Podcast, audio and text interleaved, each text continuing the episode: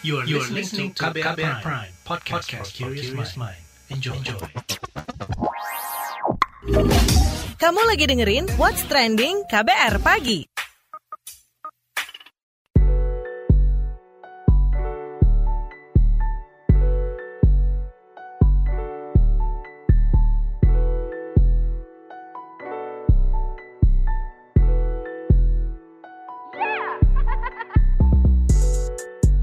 KBR Pagi, siaran pagi radio paling update. Selamat pagi. Apa kabar Anda hari ini di hari Kamis 27 Mei 2021? Seperti biasa, Don Brady akan menemani pagi hari Anda di What's Trending KBR Pagi pastinya. Pagi ini kita ngobrolin soal peningkatan kasus corona varian baru. Jadi Wakil Menteri Kesehatan Dante Saksono Harbuwono itu mengatakan saat ini tercatat ada 54 kasus COVID-19 akibat terpapar mutasi virus varian baru.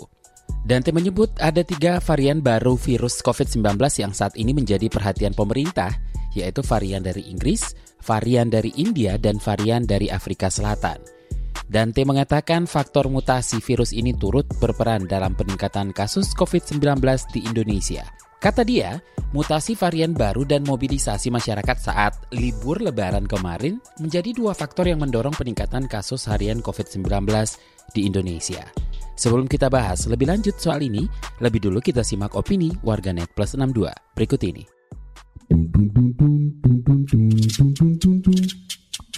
Pertama ke akun Edvin Makaleke, waspada varian baru COVID-19.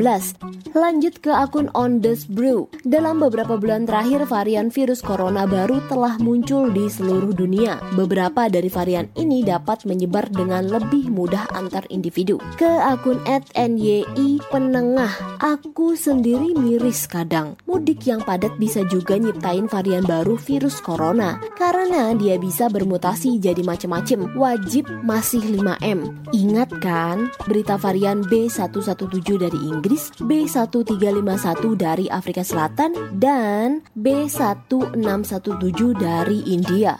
Kalau akun Gustia Yuari, janganlah nambah-nambah varian, makin kreatif aja si corona ah.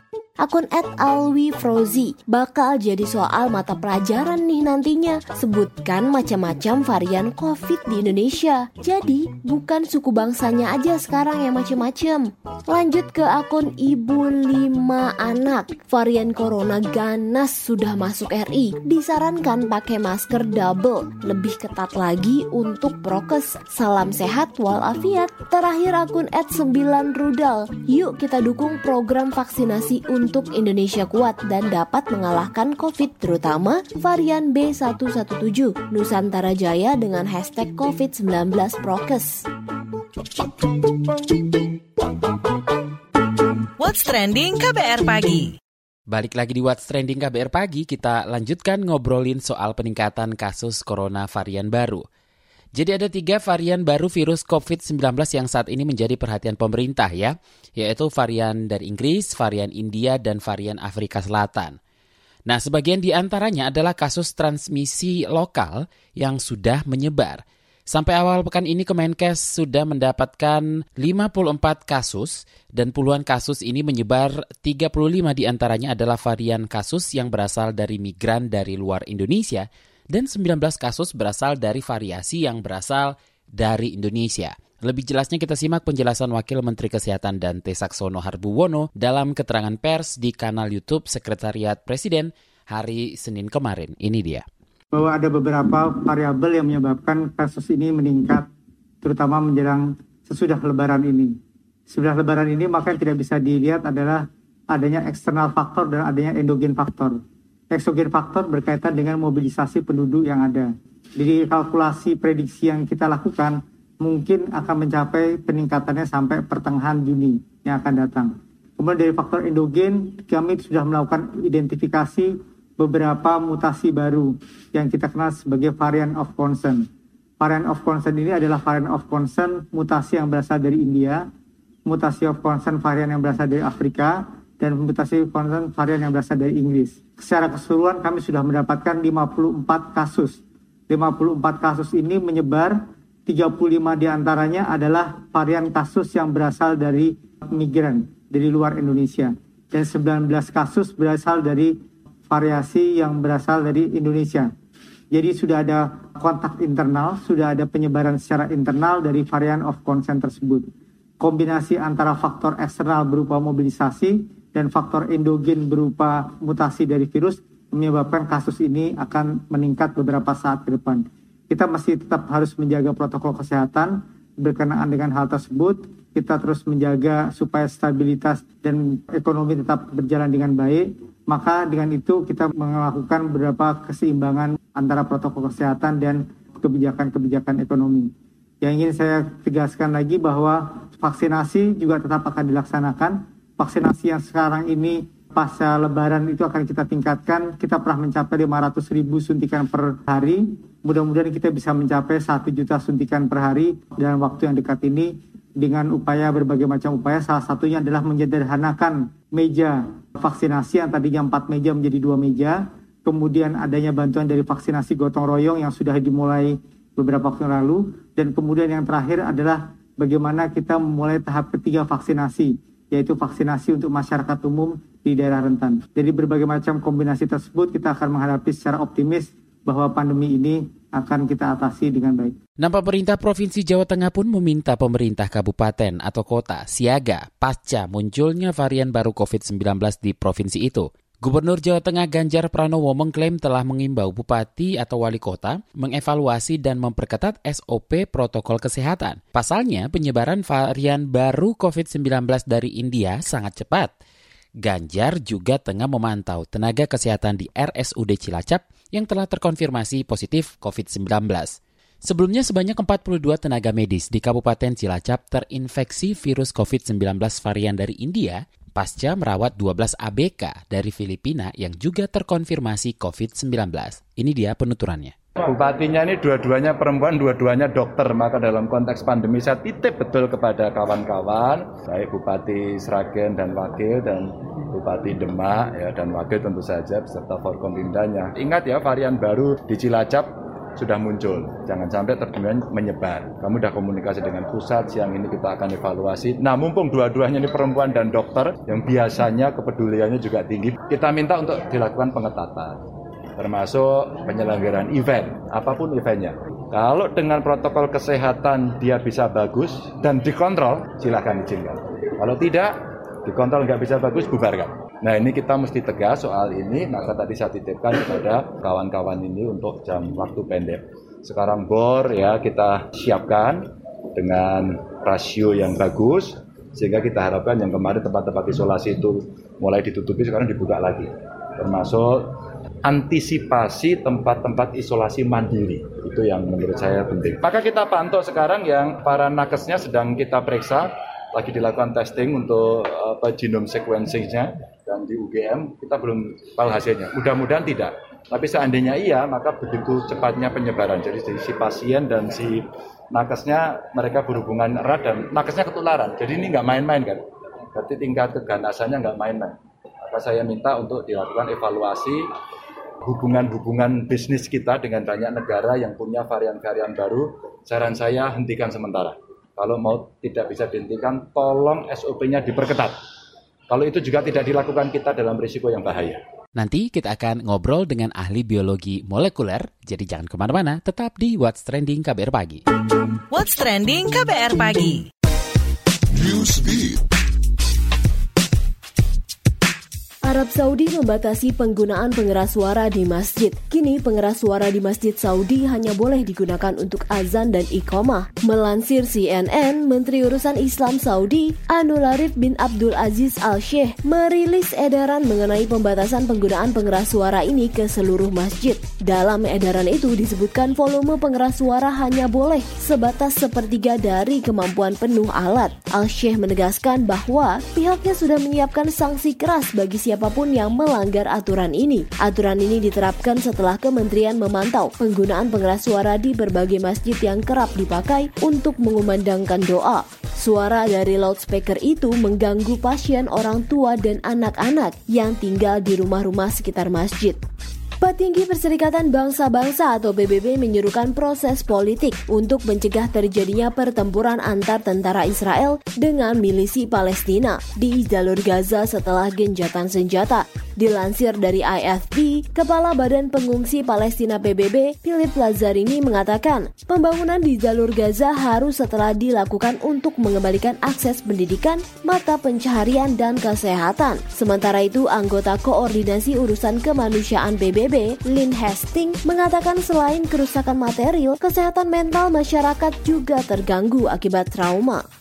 Amerika Serikat meminta masyarakat tak melakukan perjalanan ke Jepang. Hal ini menyusul adanya gelombang COVID-19 jelang penyelenggaraan Olimpiade Tokyo. Otoritas terkait menyebut Jepang tengah kewalahan menangani COVID-19.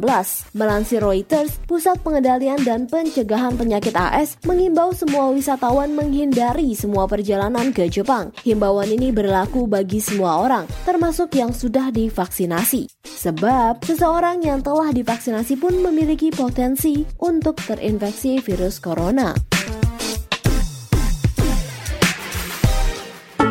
What's Trending KBR Pagi. Masih bersama saya Don Brady di What's Trending KBR Pagi, kita lanjutkan ya, ngobrolin soal peningkatan kasus corona varian baru. Nah, langkah apa yang mesti dilakukan untuk menghadapi kasus corona varian baru yang mulai meningkat di Indonesia? Kita akan ngobrol bareng ahli biologi molekuler ada Ahmad Rusdan Utomo. Pak Ahmad, seberapa gawat kondisi tersebut nih Pak?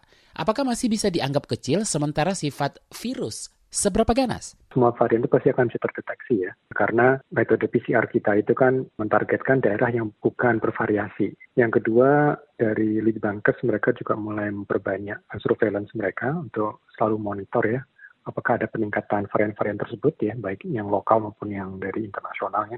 Yang berikutnya, kita juga perlu menyadari bahwa varian tersebut itu muncul, penyebarannya itu sebetulnya bukan karena dirinya sendiri, itu juga dibantu oleh manusia. Jadi masyarakat tolong ya tetap jaga ya protokol kesehatan. Dari sisi gejala itu memang mayoritas itu tidak bergejala atau gejalanya ringan. Maka kalau misalnya kita tidak jaga jarak, tidak menggunakan masker ketika beraktivitas ya dalam jarak dekat itu sebetulnya tanpa kita sadari kita turut menyebarluaskan varian-varian tersebut. Kalau kita lihat dari datanya memang bisa mengurangi efektivitas vaksin AstraZeneca. Nah ini yang kita juga perlu concern. Walaupun saat ini memang berita bagusnya B1351 itu masih minoritas di Indonesia ya. Jadi jumlahnya itu sedikit sekali. Artinya ya jangan sampai jadi mayoritas. Kita tetap jaga, jangan sampai nambah. Dan kita kita bisa lakukan ya tadi semua varian itu akan tunduk kalau perilaku manusia itu taat prokes.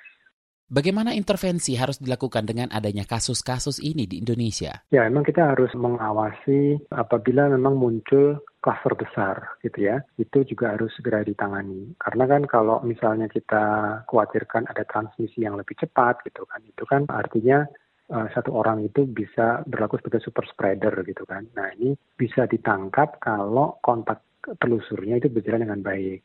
Jadi misalnya kan kalau di salah satu dinas kesehatan uh, kota itu, kota tertentu, dia target mereka itu setiap satu kasus dicari 25 sampai 30 orang. Gitu. Mudah-mudahan standar ini juga betul-betul dilakukan secara konsisten. Karena dulu waktu Litbangkes itu menangani kasus yang pertama ya, itu di awal Februari awal Maret, itu mereka melakukan itu sehingga mereka menemukan banyak sekali kasus ya. Jadi mereka kontak telusur mereka 30 orang yang positif waktu itu 11.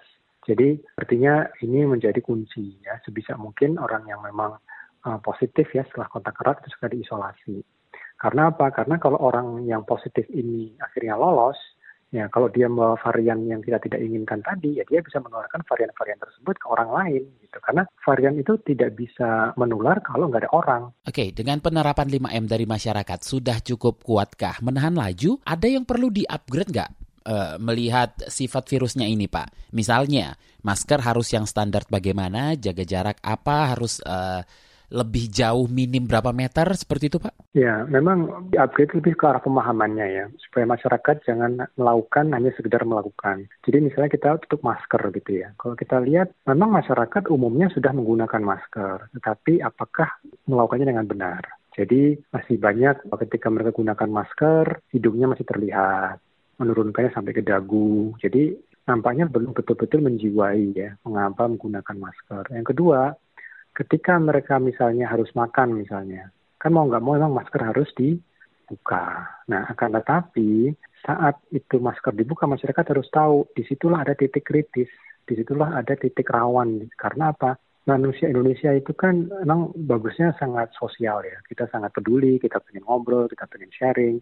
Tapi ketika kita makan siang, ya, dan kita makan di ruang tertutup seperti di pantry, di perkantoran, itu kalau misalnya makan sambil ngobrol itu ya bahaya kan terbukti kemarin seperti ada kluster bukber. Kenapa ada kluster bukber? Karena saat itulah masker akan dicopot kan. Dan ketika masker dicopot dan kita mengobrol itu bahaya. Maka emang perlu perilaku kita itu harus paham biologinya dan betul-betul dihayati gitu ya. Kalau misalnya mau ngobrol boleh, boleh ngobrol, tapi caranya apa? Selesaikan dulu makannya, gunakan lagi maskernya, baru ngobrol. Dan yang mungkin harus perlu diperhatikan adalah ruang tertutup. Karena di Jakarta ini kan minimal masih banyak perkantoran yang ventilasinya saya lihat kurang sehat sebetulnya. Yaitu apa? Jendelanya sudah dibuka. Pengelola perkantoran ya harus betul-betul menjaga ini sirkulasi udara mereka sudah bagus atau belum gitu ya. Karena kalau misalnya ada orang yang tidak bergejala dan bawa virus, ya itu kan bahaya jadi sirkulasi virusnya itu kan jadi ke mana-mana juga ya di dalam ruang kantor itu gitu. Nah vaksinasi yang sedang berjalan sekarang bisa tangkal varian baru ini? Ya ini kayaknya memang pemerintah juga harus turun tangan ini terkait dengan berita-berita yang makin santer hari. Kayaknya memang ada juga upaya yang sangat masif juga ya dari sebagian orang gitu ya yang betul-betul menyebarkan ketakutan gitu supaya orang jangan vaksin. Ini kan bisa mengganggu ya karena masyarakat akhirnya karena jadi peragu mereka tidak vaksin. Nah, lebih parahnya lagi, mereka sudah tidak vaksin, tapi mereka juga menyebarkan, menularkannya gitu. Nah, kalau misalnya kita bicara varian, sejauh ini sebetulnya semua varian kecuali yang varian Afrika Selatan ya, kecuali B1351 itu sebetulnya bisa di ini kendalikan. Jadi contoh yang bagus itu di UK. Di Inggris itu mereka cakupannya luas dan cepat ya. Itu bisa mengendalikan varian UK yaitu varian B117 itu sudah bisa kelihatan ada ini, ada proteksi dari varian tersebut gitu. Nah, jadi kalau kita lihat juga varian P1 ya di Brazil nampaknya juga bisa mulai terkendali karena data dari Brazil menggunakan Sinovac vaksin yang sama seperti jadi mereka di sana pakainya CoronaVac ya tapi itu kan dari perusahaan yang sama itu Sinovac itu uh, terbukti dari tenaga kesehatan mereka itu sudah terproteksi minimal 50%. Rekomendasi Bapak seperti apa? Jadi kalau varian ini akan selalu muncul ya, selalu muncul karena bagian proses alami. Tapi kemunculan itu tidak terlepas dari perilaku manusia. Kita tidak bisa serta-merta hanya menyalahkan varian. Jangan salahkan varian. Varian itu pasti akan muncul. Tapi munculnya itu bukan dengan sendirinya. Dia hanya bisa muncul dan dia hanya bisa menular kalau ada perilaku manusia. Artinya apa? Munculnya varian itu ya kalau kita lihat terjadinya varian ya. Kenapa kok ada varian ini varian itu varian itu? Itu tentu di luar kendali kita. Karena bukan kita kan yang membuat adanya sekuen-sekuen baru gitu kan. Tapi penularan dari varian-varian tersebut adalah pilihan kita Aku bisa pilihan kita ya kalau kita tidak taat prokes, kalau kita abai prokes, kita tidak paham VDJ misalnya gitu ya, ya itu adalah pilihan kita sehingga varian akan muncul ya sama seperti yang di India itu orang punya pilihan mau abai prokes atau taat prokes. Terima kasih ahli biologi molekuler Ahmad Rusdan Utomo. What's trending KBR pagi? Commercial break. Commercial break. Transfer ke sini udah, bayar ini juga udah. Ke gue udah. Heh, Allah, pertumbuhan ekonomi tuh lagi melambat, persis kayak tabungan gue. Betul banget. Harus matang ngelola keuangan. Pengennya tuh investasi sesuatu gitu ya. Apa gitu yang cocok dan menguntungkan? Hmm, coba dengerin uang bicara deh. Gue belakangan lagi dengerin podcast itu di KBR Prime reksadana yang tadinya 500 juta udah turun dari 250 juta sekarang 10 ribu. Sama kita ngopi mahalan mana?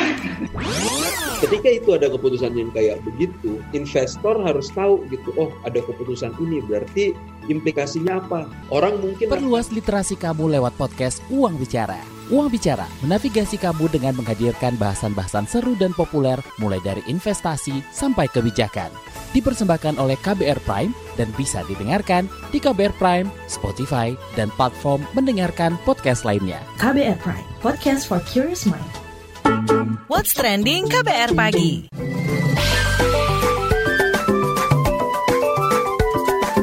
WhatsApp Indonesia. WhatsApp Indonesia dimulai dari Jawa Tengah. Gubernur Jawa Tengah Ganjar Pranowo meminta bupati atau wali kota untuk menambah tempat tidur rawat di rumah sakit pasca terjadinya lonjakan kasus positif COVID-19 usai Lebaran 2021. Ia mengungkapkan, terdapat tiga daerah di Jawa Tengah yang mengalami lonjakan kasus COVID-19, yakni Kabupaten Kudus, Kendal, dan Cilacap. Menurut Ganjar, klaster keluarga di Jawa Tengah menjadi penyumbang angka positif COVID-19 terbesar pasca mudik lebaran, yakni 62,4 persen disusul dengan klaster lapas dan klaster acara keagamaan. Ia menambahkan, pemerintah daerah untuk memperketat prokes dan tidak ragu membubarkan kegiatan yang banyak mengundang massa untuk mengantisipasi penularan. Masih dari Jawa Tengah, kita ke Cilacap. Lima desa di tiga kecamatan di Kabupaten Cilacap, Jawa Tengah dilanda krisis air bersih. Kepala Pelaksana BPBD Kepala Pelaksana Harian Badan Penanggulangan Bencana Daerah atau BPBD Cilacap, Tri Komarasidi mengatakan, kelima desa tersebut yakni Desa Bojong, Kecamatan Kawungganten, Desa Cisumur, dan Desa Gintung Reja, Kecamatan Gandrung Mangu, serta Desa Rawa Apu dan Purwodadi, Kecamatan Patimuan. Komara menjelaskan, Total hingga Senin 24 Mei 2021, sebanyak 8 tangki bantuan air bersih berkapasitas 5.000 liter telah dikirimkan. Kata dia, pengiriman akan terus dilanjutkan seiring bertambahnya permintaan bantuan air bersih. Pasalnya, diperkirakan permintaan bantuan air bersih semakin bertambah seturut musim kemarau di Cilacap. Peta rawan kekeringan di Cilacap sebanyak 73 desa di 19 kecamatan krisis air bersih. Terakhir mampir Banyuwangi, Jawa Timur. Proses karantina terhadap buruh migran Indonesia atau BMI asal Banyuwangi, Jawa Timur yang baru pulang dari luar negeri terus berlanjut. Para buruh migran tersebut menjalani karantina selama tiga hari di Balai Diklat ASN Licin. Juru bicara Satgas Penanganan COVID-19 Banyuwangi, Wiji Lestariono mengatakan, hingga saat ini sudah hampir 300 buruh migran menjalani karantina. Dari jumlah itu, 282 orang telah selesai menjalani karantina dan pulang ke daerah asalnya masing-masing, sedangkan sisanya masih menjalani karantina. Kata Wiji Lestariono, proses karantina tersebut telah sesuai dengan pedoman penanganan terhadap orang yang baru datang dari luar negeri. Hal itu untuk mengantisipasi masuknya varian baru COVID-19 ke Banyuwangi. Menurutnya, selama proses karantina, buruh migran Indonesia asal Banyuwangi di Balai Diklat ASN Licin ditemukan ada dua orang buruh migran yang positif COVID-19. Dua orang tersebut merupakan buruh migran asal negara penempatan Malaysia. Demikian WhatsApp Indonesia hari ini. Demikian kabar pagi hari ini. Jika Anda tertinggal siaran ini, Anda kembali bisa menyimaknya di podcast What's Trending yang ada di kbrprime.id, di Spotify, dan di aplikasi mendengarkan podcast lainnya.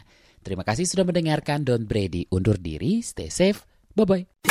Terima kasih ya sudah dengerin What's Trending KBR Pagi. KBR Prime, cara asik mendengar berita. KBR Prime, podcast for curious mind.